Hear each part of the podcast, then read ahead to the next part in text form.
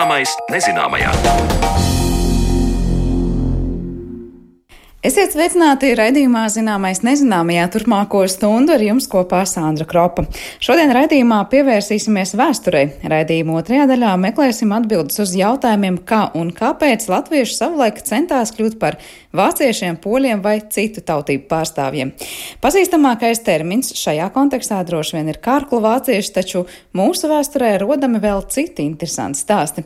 Kādi tie ir, to skaidrosim raidījuma otrajā daļā. Bet pirms tam stāsts par kādu Latviju Latvijas vēsturē svarīgu kauju. 1920. gada 11. augusts Latvijas vēsturē nozīmīgs kā miera līguma parakstīšanas brīdis ar padomju Krieviju un pieņemts uzskatīt, ka līgums pa īstam deva iespēju piedzimt Latvijas valstī. Taču patiesībā Latvijas neatkarības sapnis pavisam drīz atkal varēja sagrūt, ja vien Polijas armija dažas dienas vēlāk Varšavas kaujā nebūtu devusi izšķirošo triecienu padomju Krievijai. Polijas uzvara kā nozīmīgi ir vērtējama gan Baltijas, gan visas Eiropas mērogā, tāpēc šogad īpaši svarīgi atcerēties Varšavas kaujas simto gada dienu. Šiem jautājumiem plašāk pievērsās Mariona Baltkalna un par to tālākajā ierakstā. Lai gan Varšavas kauja ir vēsture, tomēr principi, kā jāizturas pret lielvalstīm kaimiņos, darbojas joprojām. Daudzus izskaidrojumus 1920. gada notikumiem redzam mūsdienās, un tā ir laba skola tiem, kas šobrīd lemj par politiku, ārlietām un reģionālo sadarbību. Tā uzskata Latvijas Universitātes vēstures un filozofijas fakultātes profesors Ēriks Jēkabsons, kurš sarunā iezīmēja notikumu attīstības gaitu pirms simt gadiem un ko tas nozīmēja Latvijas neatkarībai. Nu, neapšaubām Latvija šajā gadījumā ir tikai puzles elements elements kopējā centrālās un austrumēropas situācijā, ko raksturo no vienas puses jauna valsts izveidošanās pēc Pirmā pasaules kara, starp kurām tomēr ir arī tā pati Polija, kas gan saka, ka viņa ir atjaunojusies, bet, nu, teiksim, būsim godīgi, tā ir pilnībā jauna valsts. Uh, savādāk nekā tā, kas tika likvidēta 18. gadsimta beigās. Un no otras puses, protams, to atspoguļo šīs Vācijas un arī jaunās padomju Krievijas agresīvās, nu jau atklāti agresīvās Vācijas, vēl ne tik agresīvās, bet ar zināmu revanšismu pieskaņu idejas un mēģinājumu nepieļaut šeit šo jauno valstu pastāvēšanu. Polija tātad jau no 1919. gada sākuma faktiski iesaistās aktīvā cīņā pret padomu Krieviju, un šeit 1920. gada Sākumā Latvija un Polija sadarbojas Latvijas atbrīvošanā. Protams, tas ir Polijas interesēs šī gadījumā. Viņi ir, ir ieinteresēti m, iegūt Latviju sev kā sabiedroto gan pret Padomu Krieviju, gan arī citu, pret Lietuvu, kas neizdodas līdz galam, un arī pret Padomu Krieviju neizdodas tādā veidā, kā ir cerējuši Polijas valsts vīri. Bet fakts kā tāds mūsu intereses sakrīt, un e, šeit ir kopīga cīņa pret Padomu Krieviju. Pēc tam kad Polija 1920. gada aprīlī pāriet uzbrukumā Austrumu frontē, lai nodibinātu šeit neatkarīgu Ukrainu, kas ir Polijas arī interesēs. Mm, Latvija vēro ar piesardzību šīs norises, bet cerībā, ka varbūt tiešām tas būs veicinošs solis, lai šeit izveidotos kaut kāda valstu savienība. Kad tas neizdodas 1920. gada jūnijā un jūlijā sākumā īpaši sākas grandios padomu Krievijas sarkanās armijas uzbrukums Polijas armijai. Faktiski turpmākais mēnesis iezīmē šķietamību, ka Polija tūlīt sabruks. Un tam notic arī padomu Krievijas valsts vīri, pirmkārt pats Leņņņins un, ar kara jūras lietu tautas komisārs Trotskis, kurš ir pārliecināts, ka tūlīt izdosies realizēt šo pasaules revolūcijas ideju. Un šī gadījumā Tad sarkanā armija citēja Leņķinu un uh, Tuhačevski. Uh, komandieri šī gadījumā karaspēkam, kas dodas Varšavas virzienā pāri Polijas līķim uz pasaules revolūciju. Un šī gadījumā Viņi ir pārliecināti, ka tūlīt, izdosies nokļūt līdz Vācijai, kur sāksies revolūcija. Pēc tam revolūcija pārņems visu Eiropu, Rietumu Eiropu un, attiecīgi, padomju Krievijas vara tiks nodibināta visā faktiski Eiropā, līdz ar to arī pasaulē pēc tam jau. Šī gadījumā Latvijas puses intereses, protams, bija sekojošas. Vajadzēja jebkurā gadījumā cerēt, nevis panākt, ka Polija izturēs. Un Polija izturēja. Latvija noslēdz mieru laikā, kad uh, karaspēks, šis padomju karaspēks tuvojas Varšavai. Un patiesībā, protams, ka Latvijas valsts vīriem, arī Meirovicam, ir pilnīgi skaidrs, ka, ja Varšava krīt, tad būs izlemts arī Baltijas valstu liktenis. Un šī gadījumā Latvija noslēdz miera līgumu brīdī, kad Polijas situācija ir kritiska. Traģiska faktiski ne tikai Polijai, bet visai Eiropai un paradoxāli arī Latvijai. 15. un 16. augustā, kad poļu karaspēkam pie Varšavas izdodas gūt šo lūzumu pilsūtskim, konkrēti armijas virspavēlniekam un valsts vadītājam, viņam izdodas sakaut šo uzbrukošo sakanu armiju, kas ir apmulsināta, dezorganizēta, sākas beigšana, Varšavas esošā sarkanā armija sabrūk, sabrucinot pagaidām, uz brīdi sabrucinot arī pasaules revolūcijas ideju. Kopumā Varšavas kauja ilgst trīs nedēļas apmēram. Person Izšķirošais brīdis ir šis 15. un 16. augusts. 15. augusts ir Marijas debesbraukšanas diena katoļiem, līdz ar to arī būtībā runā par brīnumu pie Vislas.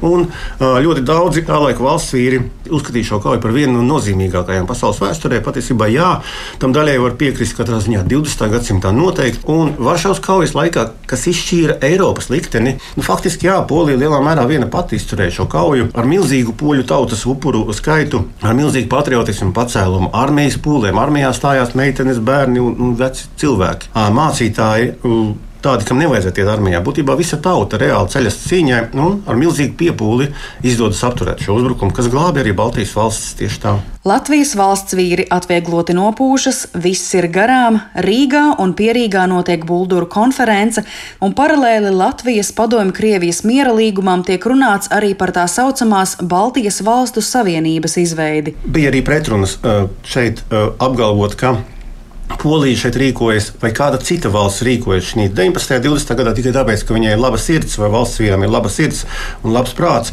nebūs pareizi. Protams, to nosaka valsts intereses. Un šajā gadījumā jauno, jaunizveidoto valstu intereses bija ļoti līdzīgas Latvijas, Polijas, Igaunijas gadījumā un arī citu valstu gadījumā. Mm, tā kā it kā sadarbība ir, bet tomēr katram savs intereses arī ir. Šaubām.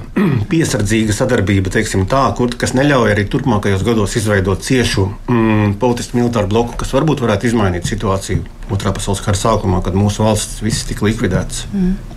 Tad, kad mēs runājam par 1940. gada 17. jūnija notikumiem un Latvijas okupāciju, ļoti bieži tiek piesaukts šis miera līgums un miera līguma pārkāpums, bet patiesībā jau 1920. gadā padomju Krievijai jau briest ideja veikt šī līguma pārkāpumu, un ne jau pēc 20 gadiem. Līdz ar to man tas rada jautājumu, kāpēc tad vispār padomju Krievija pāraksta šo līgumu un varbūt pat veicina šī līguma parakstīšanu? Šī gadījumā to nosaka padomu Krievijas ārpolitiskā situācija. Ir redzams, ka uh, ir uzvarēta lielākā daļa no iekšējiem ienaidniekiem, bet vēl situācija nebūtu nav skaidra. Krievijā turpinās pilsoņu karš. Krievijas sarkanā armija cīnās izmisīgi visās frontēs, un Krievija vienkārši ir ieinteresēta šī gadījumā vienu pēc otra izsist no um, ienaidnieku savu šīs skaita, šīs jaunās valsts, lai varētu pilnībā pievērsties iekšējo ienaidnieku galīgajai likvidācijai. Viens izsist ārā Latviju, Igauniju, Lietuvu no iespējamo pretinieku skaita, lai tiktu galā ar Poliju, pēc tam ar citiem un tā tālāk. Bet vēl viens iemesls padomju Krievijas valsts ir pieļauj, ka iespējams šī pasaules revolūcijas ideja būs jāatliek uz kādu laiku, jo to prasa gan iekšējā sarežģītā situācija, arī ekonomiskā, gan arī, eh, kas prasa citas starpā, arī starptautisku sadarbību kaut kādu. Un šajā gadījumā demonstrēt to, ko demonstrē Padomju Savienības citu visus turpmākos gadus, it kā cīņa par mieru, tā saucamo, ko demonstrēs pilgtē arī it kā miera līgumu. Padomju Krievija grib mieru. Cita runa, kā padomju Krievija slēdz mieru, otrā pusē nāzi turot, respektīvi, kabatā rokā, ja? vai kaut kā tādu vēl. Vienlaicīgi 11. augusta vakarā šeit Rīgā notiek svinīgās pusdienas par godu līguma noslēgšanai, un Adolfs Jofi, kurš šeit ir padomju delegācijas vadītājs, bijis miera līguma parakstīšanā, viņš patiesībā pieceļoties un sagot savu tostu uzrunu, um, runā tik nediplomātiski par to, kā mēs vēl tuņās padomāsim, kā jūs uzvedāties. Jūs Latvijā šeit tik neglīti uzvedāties, sadarbojoties ar mūsu ienaidnieku brīdī, kad mēs ar viņu ļoti smagi cīnījāmies. Un uh, Latvijas valsts vīrs spiesti to klausīties, nolaistam galvām, jo patiesībā nav skaidrs, kas notiks tuņās pie Varšavas. 16. augustā Jofes viedoklis tāds vairs nebūtu. Varšavas notikumi ļāva vairākām valstīm nevien galēji izcīnīt neatkarību, bet, protams, tie arī kļuva par pamatu, lai, piemēram, gan Latvija, gan Polija turpmākos gadus liktu stabilu balstu spēcīgu valstu celtniecībā, un lai šī vēsturiskā atmiņa saglabātos tad, kad tas viss pēc laika atkal tiek noārdīts. Par Varšavas kaujas nozīmi un nepieciešamību aizkrāsot vēstures baltos plankumus telefona sarunā akcentē Polijas Republikas ārkārtējā un pilnvarotā vēstniece Latvijā Monika Mihališina. Mūsu uztverē tā Varšavas kaujā, tā, tās mūsu ciņas arī palīdzēja uh, saglabāt visas Eiropas uh, kultūru, Eiropas kultūras mantojumu, arī demokrātiju, arī kristīgās vērtības. Tāpēc, kā mēs zinām, ka ar visam tam vērtībām nežēlīgi cīnījās bolševiki, bet arī pēc tam citi totalitarismi.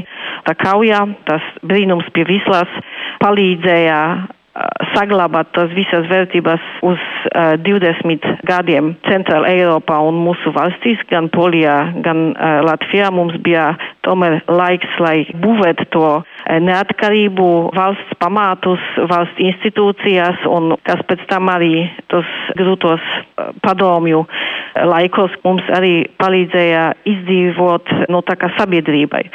Svarīgi ir tas, ka vajag vienkārši atjaunot tas visas zināšanas vai vispār dot no jauna tas visas zināšanas par vēsturi, par kuru netika teikts vai netika stāstīts visos tos padomju gadus. Mēs laikam arī Latvijas vēsturnieki un polijas vēsturnieki to nosauc par vēstures baltajiem plankumiem. Tos baltus plankumus vajag ļoti, ļoti efektīvi aizpildīt ar īsto uh, vēsturi, tāpēc ka tikai tā īsta vēsture, kas balsta uz vēsturiskiem faktiem, var dot mums tādu skaidru ainu, kas notika 20. gadsimtā. Jo mēs uh, sāksim pārrakstīt vēsturi, tad pēc tam to vēsturi var ļoti, ļoti dažādi interpretēt un uz tā pamatā mēģināt ietekmēt arī uz mūsdienīgo realitāti. Sadarbība Polijas un Latvijas starpā bijusi vērojama dažādos brīžos vēsturē arī pēc tam, piemēram, 80. gadu beigās un 90. gadu sākumā, kad Polijā bija nodibināta arotbiedrība Solidaritāte. Tā kļuva par pagrieziena punktu komunisma gāšanai Polijā un visā Eiropā, un arī Latvijas Tautas frontes pārstāvji sadarbojušies ar solidaritātes līderiem. Tas arī rāda, ka tādos izšķirošajos momentos nu, mēs bijām kopā un mēs palīdzējām viens otram. Un es domāju, ka mūsu laikos vai šī brīdī arī Mums ir ļoti, ļoti svarīgi runāt par to solidaritāti, par Varšavas kauju. Tie notikumi pie Varšavas nes arī universālu vestījumu par nepieciešamību pretoties visam diktatūram, totalitāram sistēmam. Un tas kaujas arī parāda, cik liela nozīme ir katras valsts brīvībai un suverenitātei visu mūsu kopējai drošībai. Varšavas kaujas notikums un to nozīmi Polijas un Latvijas vēsturē, kā arī starp valstu attiecībās, skaidroja Latvijas Universitātes vēstures un filozofijas fakultātes profesors Ēriks Jakobsons un Polijas Republikas ārkārtējā un pilnvarotā vēstniece Latvijā Monika Mihališina. Ar viņiem sarunājās mana kolēģe Mariona Baltkalne, bet pēc stāsta par neatkarības centieniem pievērsīsimies kam pretējam, kāpēc latvieši vēstures līkločos vēlējušies būt nelatvieši.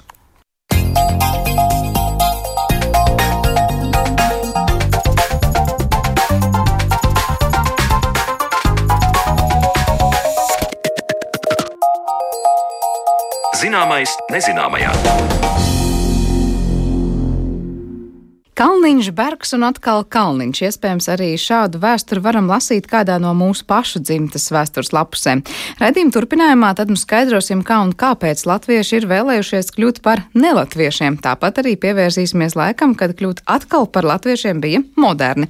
Šajos pārvērtību labirintos mums palīdzēs eh, orientēties demogrāfs Ilmārs Mešs un Latvijas Nacionālā vēstures muzeja viduslaiku jauno un jaunāko laiku vēstures nodaļas vadītājs Imants Cīrulis, kas šodien arī mūsu raidījuma studijā. Labdien un prieks! Prieks jūs šeit redzēt. Labdien. Labdien.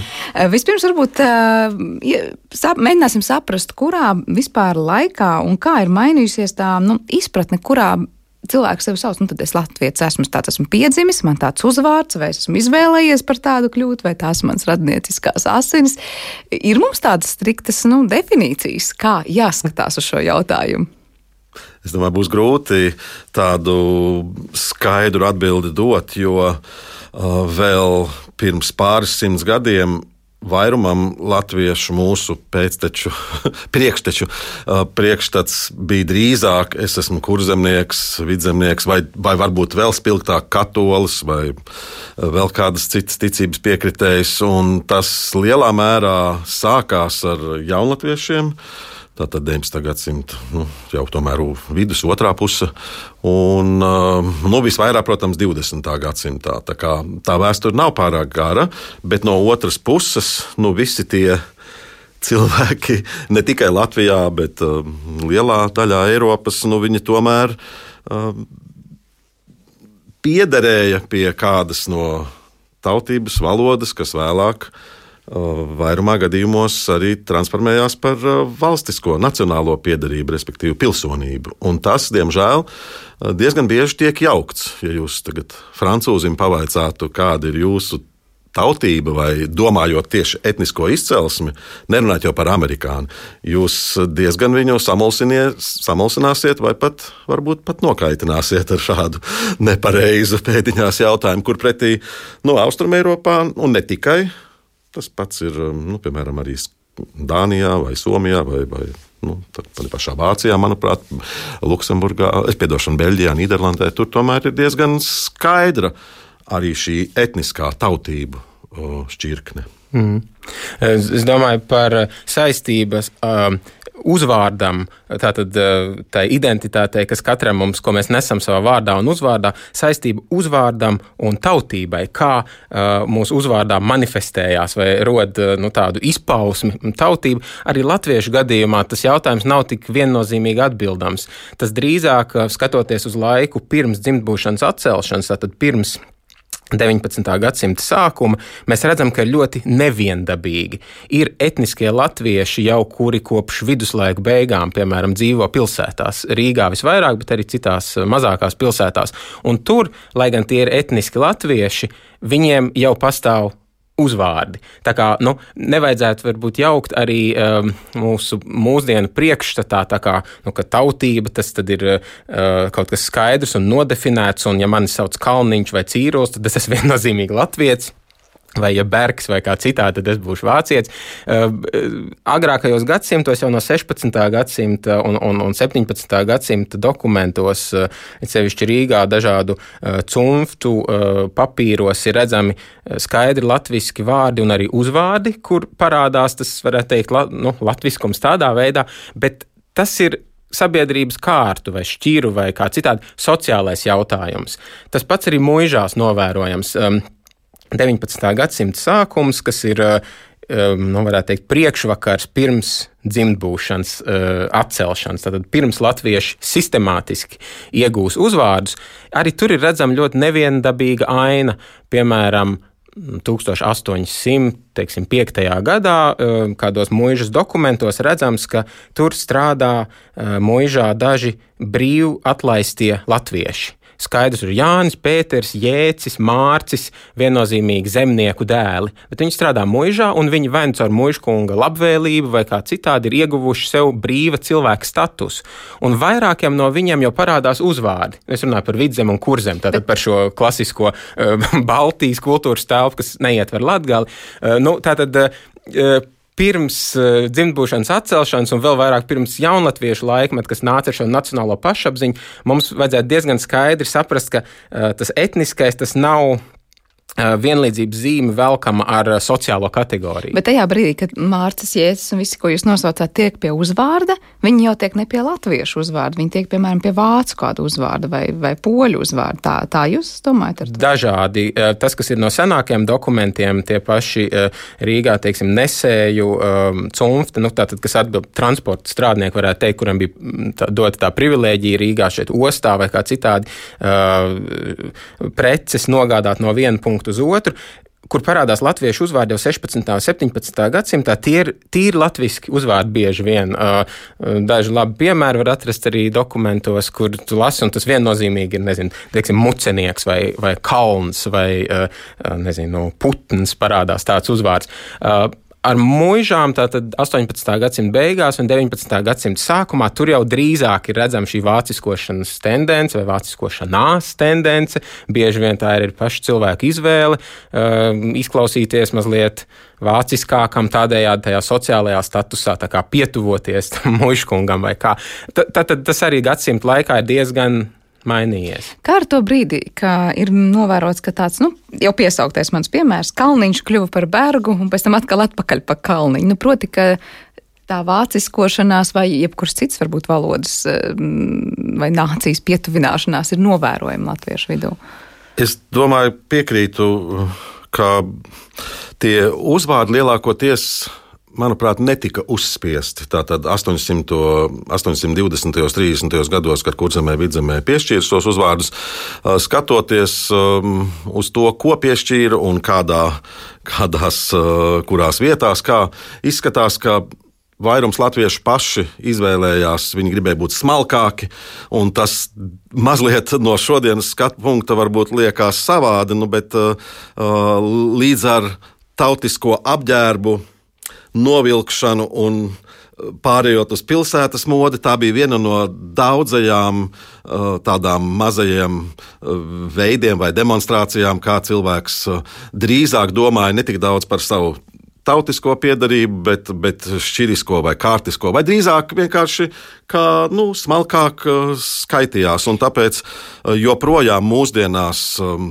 nu, es tā vēl precīzi statistiku nav iespējams par tiem simt tūkstošu uzvārdiem, kas mums Latvijā šobrīd ir, bet vismaz par kādiem pāris tūkstošiem populārākiem uzvārdiem, nu, tur apmēram līdz trešdaļai iet uh, skaidri vāciskie uzvārdi, uh, kuri ar ļoti retiem izņēmumiem nav nekādā veidā bijuši radi nekādiem vāciešiem. Līdz ar to uh, pat, piemēram, um, kurzemes uh, centrālajā ziemeļdaļā līdz pat Jēlgavai vairumā pagastos dominēja šie vāciskie Freibergi, Grīnbergi, Šmiti un Baumaņi, Krauzi, Dreimaņi un Treimaņi un bezgalīgi bezgalīgi šī, šīs variācijas, no kuriem daži ir sastopami Vācijā, bet daudzi nemaz tādā veidā nav. Nemaz nerunājot par tādiem, ka tur ir kaut kādi jaukti salikteņi. Tas nozīmē, ka cilvēki, cilvēki paši iztulkoja vai tē. Jā, un šī uzvārdu tulkošana, es domāju, vēl 19. gadsimtā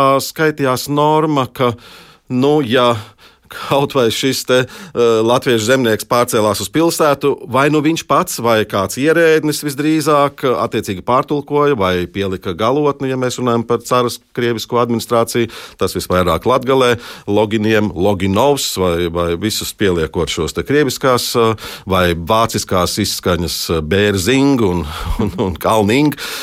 Tā, tādā veidā tas bija tāds process uz to pusi, un tad Tad tas nu, labošanas process, kas bija pēc tam jau 20. gadsimta, 20. un 30. gados, nu, tā bija varbūt tāda dabiska, dabiska atkal atpakaļ reakcija. Jā. Ja. Un šis uzvārds jau ir tikai viena no neskaitāmām pazīmēm, pēc kā cilvēks apzinās vai, vai, vai īsteno savu tautību. Mēs atceramies padomu okupācijas laikā nu, tā piektā ailīte pasē Nu, tā bija vienīgā ailīte, par ko mēs klases biedri bijām lepni no savas pases. Ja?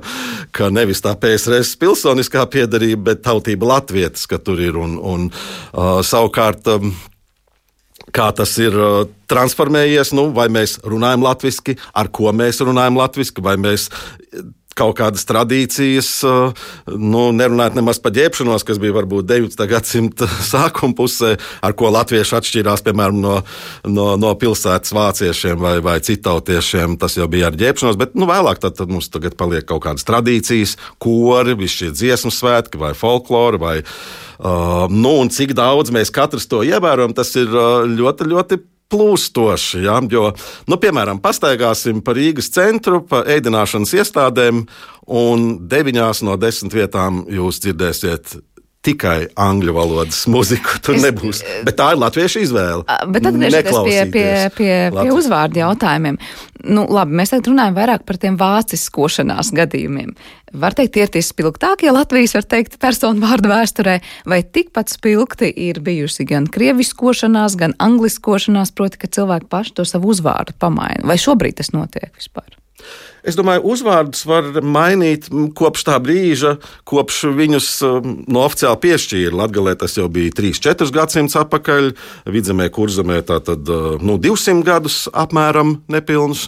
Un gan 19. gan 20. gadsimtā vienmēr bija iespējas mainīt, bet ar visu to, ka tā maino cilvēku skaits, kas to uzvārdu nomainīja, kopumā ir ļoti, ļoti neliels. Pat šajos te, um, 20. un 30. gados, un man bija iespēja no valdības vēstneša arhīva izrakstīt, tas tomēr ir pārsteidzoši neliels skaits. Pretstatā tam pieņemtajam, ka nu, vairums vācisko uzvārdu īpašnieki latviskoja, man ir izdevies par, par, par diezgan daudz gadiem nu, konstatēt, ka tie būs varbūt no 1 līdz 2 procentiem. Tā tad tikai maza simtaļa, kas latviskoja. Kā jūs varat konstatēt šobrīd mūsdienās pēc tiem arhīviem? Kas nu, atrodot periodiku.lv, atverot valdības vēstnešu sludinājumu, kuriem pēc likuma, lai uzvārdu nomainītu, vajadzēja pieteikt attiecīgās iestādēs um, nu, noteiktā formā šo iesniegumu, kas ir tas vecais uzvārds un, un kādu to jauno uzvārdu cilvēki tad vēlās. Viņi... Samaksājot nodevas,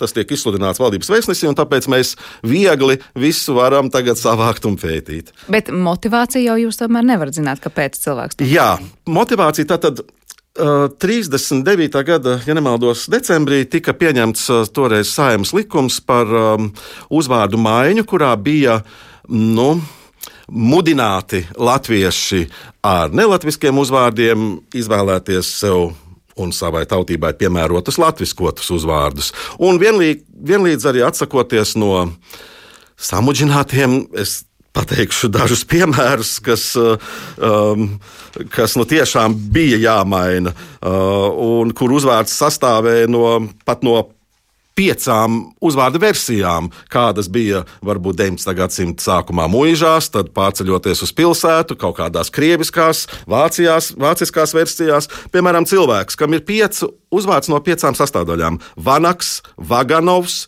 Vogonovs, Vanog, Vonog. Viņš vēlās palikt pie viena vanaga. Viņš nevēlas vilkt šo piecu uzvārdu versiju, jo Latvijas pasēs reizēm 20. un 30. gados, nu, lai varētu identificēt šiem cilvēkiem, izmantoja visas, kas no viņiem bija gan dzimšanas metrikā, gan kaut kur vēlākajā dzīves posmā, un tad daudziem bija ne tikai divi, bet trīs un, un vairāk šie. Un jāatzīstās, ka daudzi uzvārdi toreiz 30. gados um, tika mainīti gluži objektīvu dēļ. Nu, piemēram, meitene Līze Maucekle. Nu, kā viņa var cerēt iziet pie vīra vai vispār sabiedrībā rādīties? Ja?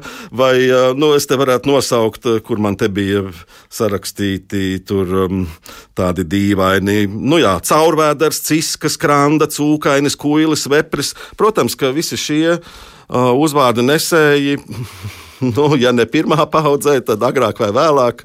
Piemēram, Latvijā vairs nav neviena muļķa. Pirms 30. Tātad 30. gados uh, ir Krasnodarbas rajonā lielie un mazie muļķi ciemi, uh, kur visi iedzīvotāji arī šo uzvārdu, kā jau latgalē pierasts, ir nesuši. Tikai toreiz tas jau latgaliski neko muļķīgu nenozīmēja. Uh, to viņi uzzināja varbūt Latvijas armijā dienējot, ka tas Rīgā ir kaut kas pavisam cits. Nu, šobrīd šis uzvārds, kas toreiz bija pie simts cilvēku, ir palikuši varbūt pēdējie daži večukiņi, kas droši vien tas netiks mantots. Nu, tā ir uzvārdi. Okay. Šķiet interesanti piemi, pieminēt pie šī uh, 39. gada pašā gada nogalē un 1940. gada pirmā puse, tātad līdz padomju okupācijai, ka šī latviskošanas nu, tāda, vilnis, vai varētu pat teikt, nu, mānija, droši tā varētu laikam teikt, notiek lielu tādu ģeopolitisku pārmaiņu iespaidā. Tik, tikko 39. gada rudenī ir eh, noslēgusies vai gandrīz noslēgusies Vācu baltiešu izceļošana. Un pieņemot šo likumu 39. gada decembrī par eh, nelatvisku uzvārdu latviskošanu, tas iet ļoti skaidri tādā ideoloģiskā gultnē. Vācieši, tātad tie etniskie, īstie vācieši, nu beidzot ir prom. Tagad mēs celsim Ulmaņa vadībā, turpināsim celt to tīri latvisko valsti un tiem latviešiem, kuriem ir pagātnes mantojums, kā tas tika arī definēts, pagātnes mantojums, uh, ir jāapzinās sevi tomēr latviskā identitāte. Šīs saknes ir jānokrata, tās mūžas, verdzības, važas tādā pārnestā nozīmē, ka tas ir vēl mūsu domāšanā 30. gadu beigās palikuši un ir jālatvisko uzvārdi uh, uz skaistiem, bieži vien poētiskiem, nu te arī Ilmārs no te varētu labus piemērus minēt, kā tur masveidā tika pieņemts uzvārds, nezinu, līdums vai ziemēlis Mēnelis vai Krauja vai Leja. Un, nu, šādi ļoti latviski uh, uzvārdi. Un, uh, protams, šīs pārmaiņas inicijē um, lielā mērā arī iekšlietu ministrija un Kornelijs Veitmanis, kurš ir iekšlietu ministrs, iet ar labu piemēru visiem pa priekšu. Viņš latvisko savu uzvārdu no Veitmaņa uz veidnieku. Uh, vai, nezinu, Valdemārs Šēnfelds, uh, augstā militāra persona, vēlāk arī leģionā pazīstams. No Šēnfelda viņš kļūst par skaistlauku. Un vairāk citi šādi pārsvarā no vāciskā, bet arī no krieviskiem kā jau te minēja, arī samudžināti uzvārdi. Un uh, interesanti pavērot preses lejās, ne tikai lielajā, lielajos izdevumos, kā jaunākās ziņas vai citi tādi, nu, varētu teikt, valdības, nu, gandrīz vai oficiozie tādi izdevumi, bet arī provinces laikrakstos, ka, teiksim, nezinu, Valmieras apriņķī vai Cēsu apriņķī 40. gada martā, aprīlī, maijā mudina iedzīvotājus um, nomainīt uzvārdus, atteikties, nu, kas saka, beidzot ir jātaisa gals visiem šiem šmitiem, kupferiem, Friedenfeldiem, kalējiem un tālāk, un sauksimies taču atkal beidzot par kalējiem. Un, un, tā tad eh, arī 40. gada īsi pirms 15. maija, kas ir Kārļa Ulmaņa apvērsuma gada diena, seši gadi šis autoritārais režīms, un tad kāds provinces laikraksts aicina parādīsim savu nacionālo patriotisko garu, apzināsimies un piec, demonstrēsim uh, lojalitāti latviskajai Latvijai uz 15. maiju un, un, un aktīvāk nomainīsim uzvārdus. Un uh, valdība vai nu, tātad, iekšlietu ministrija nāca arī ar administratīviem līdzekļiem šim pretim šai tendencei tika samazināts oficiālais gaidīšanas laiks. Valdības vēstnesī pirms tam, 20. un 30. gados, jau bija bijusi šādas, nu, varbūt ne tendences, bet atsevišķi gadījumi, kad mainīja uzvārdu. Tad bija trīs mēneši jāgaida ar šo jauno likumu 39. gada decembrī tika samazināts gaidīšanas laiks uz divām nedēļām, un tika arī uh, vairākos avotos uzsvērts, uh, ka uh, jāsamaksā būs tikai un vienīgi neliela maksa par publicēšanu valdības vēstnesī, tātad katru nedēļu vai, vai ik pēc pāris dienām, ja šie, šie paziņojumi, un uh, arī, teiksim, zemes grāmatā. Nu, tīri praktiskas lietas, nomainot uzvārdu, jāmaina dokumenti un citas lietas. Tad tika uzsvērts, ka šīs summas tiks samazinātas pēc iespējas, lai cilvēkiem ērtāk būtu um, nomainīt uzvārdu.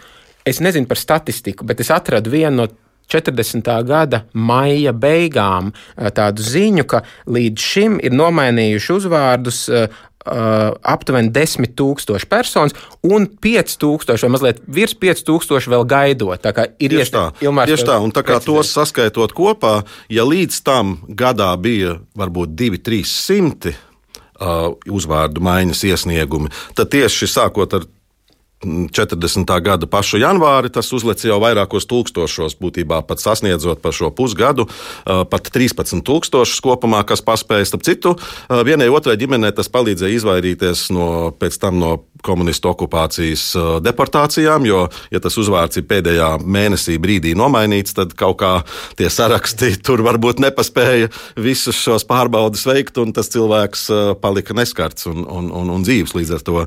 Jā. Un arī man man pārsteidza, ka šajos um, nedrīkstēja, piemēram, um, citautieši izvēlēties latviskos uzvārdus. Un šī sarakstā netrūkst ne krievu, ne ebreju. Piemēram, jaunpieņemtie uzvārdi ir Artemjevs, Ivanovs, Nikiforovs, Gromovs, Bistrovs, piemēram, Bardakovs kļūst par Berni, Bermanu un, uh, un Fūrmans par Eškolī. Nu tā, tomēr ir arī uh, kas pie šīs uzņa, uzvārdu maiņas, it kā latviskotajā garā, mierīgi izvēlās krievisku uzvārdu vai, vai, vai ebreju. Tādā ziņā, nu, ka tomēr sava veida nu, kaut kāda demokrātija tur ir bijusi, un nevienam šis uzvārds nav uzspiests. Un, ja mēs salīdzinām ar Ar Igauniju, kur acīm redzot, vismaz um, tuvu pie trešdaļas Tā tad varētu teikt, ka lielākā daļa igauņu, kam tāpat netrūk šo vācisko uzvārdu, paspēja to nomainīt nu, 30. gadu gaitā, tad jāatzīstās, laikam, ka Latvijas varas iestādes mazliet pavēlu to uzsāka, un tad tikai varbūt šis viens vai divi procenti no visiem latviešiem pagūlu nomainīt, no kuriem tomēr liela daļa, es pat teiktu, vismaz puse, ir objektīvi tādi, kas to tik un tā vajadzētu nomainīt, atstājot no samudžinātiem uzvārdiem sev vienu īsto. Uh, kas būtu bez tiem pielikumiem, ja, kas kaut kāds ir pārrakstījies, vai nu, tiešām ļoti nepiemērot, nu, kurš grib saukties par pautu, mēslu. Nu, tas tomēr ir jāļauj šos uzvārdus mainīt, un tas process norisinājās arī visus padomu okupācijas gadus, un viņš turpinās šodien. Piemēram, nu, ja mums ir Jānis. Um, farts vai šits, kas Latvijā var dzīvot bez problēmām, tad nobraucot uz ārzemēm, viņam paliek grūti. Un, līdz ar to šo uzvārdu joprojām mūsdienās tiek mainīti, kas ārzemēs izklausās mm -hmm. dīvaini. Cik interesanti par uzvārdu šits, uh, kas mūsdienās angļu valodas uh, fonētikas iespējā var likties apvainojoši. Nu, tas nāk no vācu valodas, ir šuts, kas ir strēlnieks vai nu, kaut kāds ar šaujamieroci, kaut kāda šāda apzīmējums. Nevainīgi, vai nekā tas laika gaitā mainās. Interesanti arī domājot par 19. gadsimta sākumu, kad ir nu, praktiski, kā jau te ieskicēja, um, ka uzvārdu spektrs, tas, kas latviešiem ir pieejams, ka tas praktiski ie, ir iekonservējis 19. gadsimta sākuma domāšanu, to priekšstatu pasauli, kas zemniekiem šķita tā vērts, lai to ieliktu sev par uzvārdu. Um, par uzvārdu došanu, vai es drīzāk teiktu par uzvārdu ņemšanu, uh, tur ir arī interesanti pētījumi jau pieejami, un tie rāda, ka lielākoties um, zemnieki paši izvēlējās sev uzvārdus, jo pēc dzimtbūšanas atcelšanas kurzemē un vidzemē Tātad 1820. gados un 30. gadu sākumā eh, tā praktiskā puse bija uzticēta vai nu pašām eh, zemnieku, nu pagastu tiesām, kur pārsvarā bija arī eh, saimnieki, tātad zemnieki bija pārstāvēti, vai arī mūžu valdēm, kur arī nu, kaut kāda teikšana bija zemniekiem, un šis vai nu mūžu skrīvers vai mūžu kāds pārstāvis jau lielākoties ļoti labi pārzināja vietējos apstākļus. Un vārdu, uzvārdu izvēlē tika dot pretī nu, no, no, teikt, no valdības puses, pat no, no gubernijas valdēm vai pat vēl no augstākām instancēm, un tad pārtulkoti latviešu dažādi ieteikumi. Um, nu, tā tad, ka nedrīkst izvēlēties, pirmkārt, tas ir uh, kurzemes. Um, dažādās publikācijās un arī vidzemē minēts, nekādā gadījumā nedrīkst pieņemt zemnieks uzvārdu, kas jau ir aizņemts, kuru kāds mužnieks, kāda dišciltīga dzimta jau ir, ir, ir, ir, ir pieņēmusi jau, jau gadu simtiem. Ja? Nu, nu nav iespējams, ka tagad viens bez vārda, bez uzvārda Pēters vai Jānis, ka tagad viņš sauksies Fontīzenhausens. Nu, tas, tas noteikti nevar būt. bet, bet ne, ne vēl tāpēc, laikam, Latvijā ir tik daudz kalniņu, bērziņu, liepiņu un visu pārējo, jo, jo, jo tas ir tas, kā, ko redzēju un kas likās būt tas bija visvienkāršākais laikam, Jā. nedomājot, eh, tāpēc arī mums šie uzvārdi ir vispopulārākie. Bet vai varētu būt tā, ka viens no iemesliem, kāpēc cilvēki nu, vāciskoja vai kā citādi mainīja, nu, piemēram, ja viņš ir tas kalniņš, un viņam liekas, ka apkārt Latvijā jau ir ļoti daudz to kalniņu, nu, tad viņš grib atšķirties un teikt, es būšu bergs. Vai jums ir ziņas par kaut kādām tādām motivācijām? Nu, vispirms jau tās motivācijas mēs varam tikai minēt, jo no arhīvos ir varbūt viena, divas šie protokolu dokumenti saglabāti saglabātu no pagastu valdēm, reti izņēmumi, un pat tajās nav nekādas motivācijas. Cilvēks vienkārši ir atnācis, ko nu viņš ir pateicis, un dažreiz tur ir pat maza tāda jau ironija no tā skrīvera puses, pagasta rakstveža. Kuldīgas apkārtnē tika piešķirta uzvārdu nezinu, nebija, bija, man jau bija. Tā tad, vai tev uzvārds jau bija? Nezinu, vai ko nu atbildēja, bija vai nebija, vai man jau bija, tad burtiski to pašu arī pierakstīja. Un, uh, un daži no šiem uzvārdiem negribu vēl. Nu, uh, ir joprojām funkcionē. Nu, viņi joprojām ir apritē. Uh, tā kā viņi nav visi nomainīti. Lielākoties es domāju, ka tur um, paši cilvēki izvēlējās. Dažreiz ir bijušas mājas kalniņi, un tas cilvēks ir pieņēmis tiešām uzvārdu Bergs. Vai atkal reizēm ir otrādi? Mājas ir bergi, un cilvēks ir jau gribējis tomēr atšķirties ar latviskāku uzvārdu. Tā kā ir gandrīz vai vienādā skaitā uz vienu, uz otru pusi. Tas drīzāk no novadiem, kā mm. teicu, šī centrālajā un ziemeļkurzemē un zemgals lielākā daļā ļoti lielā pārsvarā vāciskie, savukārt dienvidkurzemē, sēlijā un vidzemē ļoti lielā pārsvarā tieši latviskie uzvārdi. Mm -hmm. Man jums bija ko piebilst. Jā, un tas arī tiešām varī, tās variācijas novērojams kaut vai tajā pašā vidzemē no vienas mūžas uz otru, jo, jo vienā uh, ir nu, izteikts tendence kādu amatu pārstāvu, arodu pārstāvi. Nu, ja viņš ir virpotājs, tad nu, bieži vien Dreimans pieņemts jaunais uzvārds. Ja viņš ir kalējs, tad Šmits. Ja viņš ir mūžā, es nezinu, brūvē, nu kā brūvers, tad, tad viņš ir brūvers. Pieņem šādu, šādu uzvārdu, kur tā, tā latviskā aroda nosaukums ir vienkārši pārtulkots vāciski, es nezinu, rat, ratnieks, ja, kurš izgatavo ratus, riteņus, un tad Štelmachers, kas ir vāciski, vāciskais nosaukums rat, ratniekam. Un, nu, 19. gadsimta sākumā ir jāpatur prātā, ka Eh, tā nacionālā pašapziņa, ka tas, ka es caur savu uzvārdu tagad izteikšu savu nacionālo stāju, ka tā jau nav vēl šādās kategorijās domājama, kādu mēs to pazīstam no 19. gadsimta otrās puses. Un bieži vien tāda eh, no sevis vāciskošana, un tas dažkārt arī poliskošana, paņemt mazliet, mazliet eksotiski izklausīsies, it sevišķi vidzemes guberņā, kur nu, poļu vai vispār saistība ar polisko ir, ir diezgan maza, izklausīsies kaut kā interesanti, eksotiski, tas ir mēģinājums sevi nu, kaut kā mazliet padarīt kolorītāku, at, atšķirt no tās bērziņu un kalniņu masas. Varbūt. Bet gandrīz vai tur ir jāvelk paralēles, jo toreiz cilvēki, varbūt tie latviešu zemnieki domā, nu kā labi, ja es esmu Jānis Kalns un es te savos uh, kaut kādos tur rudbāržos vai talsos dzīvoju, viss ir labi. Bet, ja nu mani bērni brauks uz pilsētu, nu kādi viņi vairs kalni, viņiem jābūt bergiem. Un, un uh, ko mēs šodien redzam mūsdienās, kādus vārdus liek latviešu ģimenes, es to arī iedzīvotāju reģistrā paskatījos. Un man liekas, ka mēs varam runāt par to pašu tikai uz, tikai uz angļu valodu. Mums ir Davidi, Rajani, Kevini, Brajani, Heidijas, Ketlīnas, Maikli, Ketrīnas, Reičelas, Mišelas, Džesikas. Es izburtot nevaru pie tam latviskā transkripcijā. Es gribētu zināt, nu, kā šie cilvēki ar šo latvisko vārdu transkripciju varēs tad, nu, it kā viņiem ir iedot angļu vārdu, bet, bet ko viņi to darīs, pat ja viņi nonāks Anglijā? Jā, te jautājumi daudz, ko vēl, protams, šķietināt, bet jūsos klausoties liekas tiešām tāds interesants no vienas puses pavērsiens, ko var skatīties. Nu, Ko tas liecina par, par, par latviešiem kā tādiem? Kurā laikā par spēju pielāgoties apkārtējai videi, gribēju... mazliet pārspīlētu. un, un no otras puses tas, ka šis process nekur nav mazinājies vai gājis zudumā vai pazudis, tas vienkārši ir transformējies par kaut ko. Vektors ir mainījies no Jā. vāciskā, tas pārgāja uz krievisko un tagad uz anglisko. Ļoti interesanti, tīri spekulatīvi, ja latviešu uzvārdus būtu pieņēmuši nevis 19. gadsimta sākumā, bet 19. gadsimta vidū vai, teiksim, 70. gados, kad bija ļoti izteikta tāda vāciska. Somijā daudz vairāk pieņēma. Tieši Viņiem tā. ir ļoti daudz vairāk somisko uzvārdu, kur Jā. pretī agrākajos posmos, vēstures posmos, daudz dominēja tomēr vāciski, zviedriski. Mm. Vai tajā brīdī, kad uh, latviešu zemnieki uh, masveidā kļuva par gruntniekiem, tad izpirka no mūžas savas zemes, kļuva par kārtīgiem nu, zemes īpašniekiem, un vēl pirms nacionālās atmodas bija tāds vāciskošanās vilnis, ne uzvārdos, protams, bet vārdos, vārdu izvēlē. Nu, ja paskatās uh, dvēseli revīzijas vai šos mūžus, um, pagastu iedzīvotāju saraksts, sākumā 19. gadsimta vidū vēl dominē Jāņa, Pēteri, jau minētie uh, nezinu, Mārči un Juči un, un dažādi šādi, un Trīnes, Līzes, Ilzes un Annas.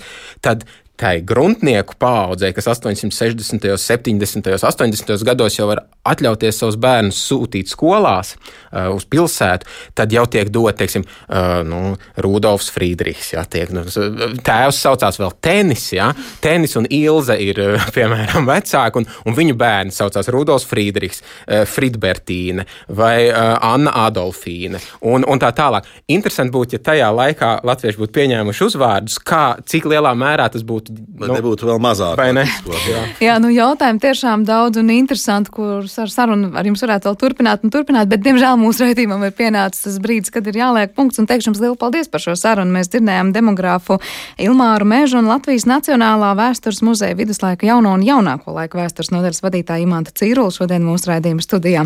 Ar to arī tas ir izskanējis. Paldies par to producentēs Armītei Kolātei. Skaņu režijā bija Reinis Būdze par mūziku parūpējās Girds Bišs, bet studijā bija Sandra Kropa. Uz uz tikšanos jau atkal rīt.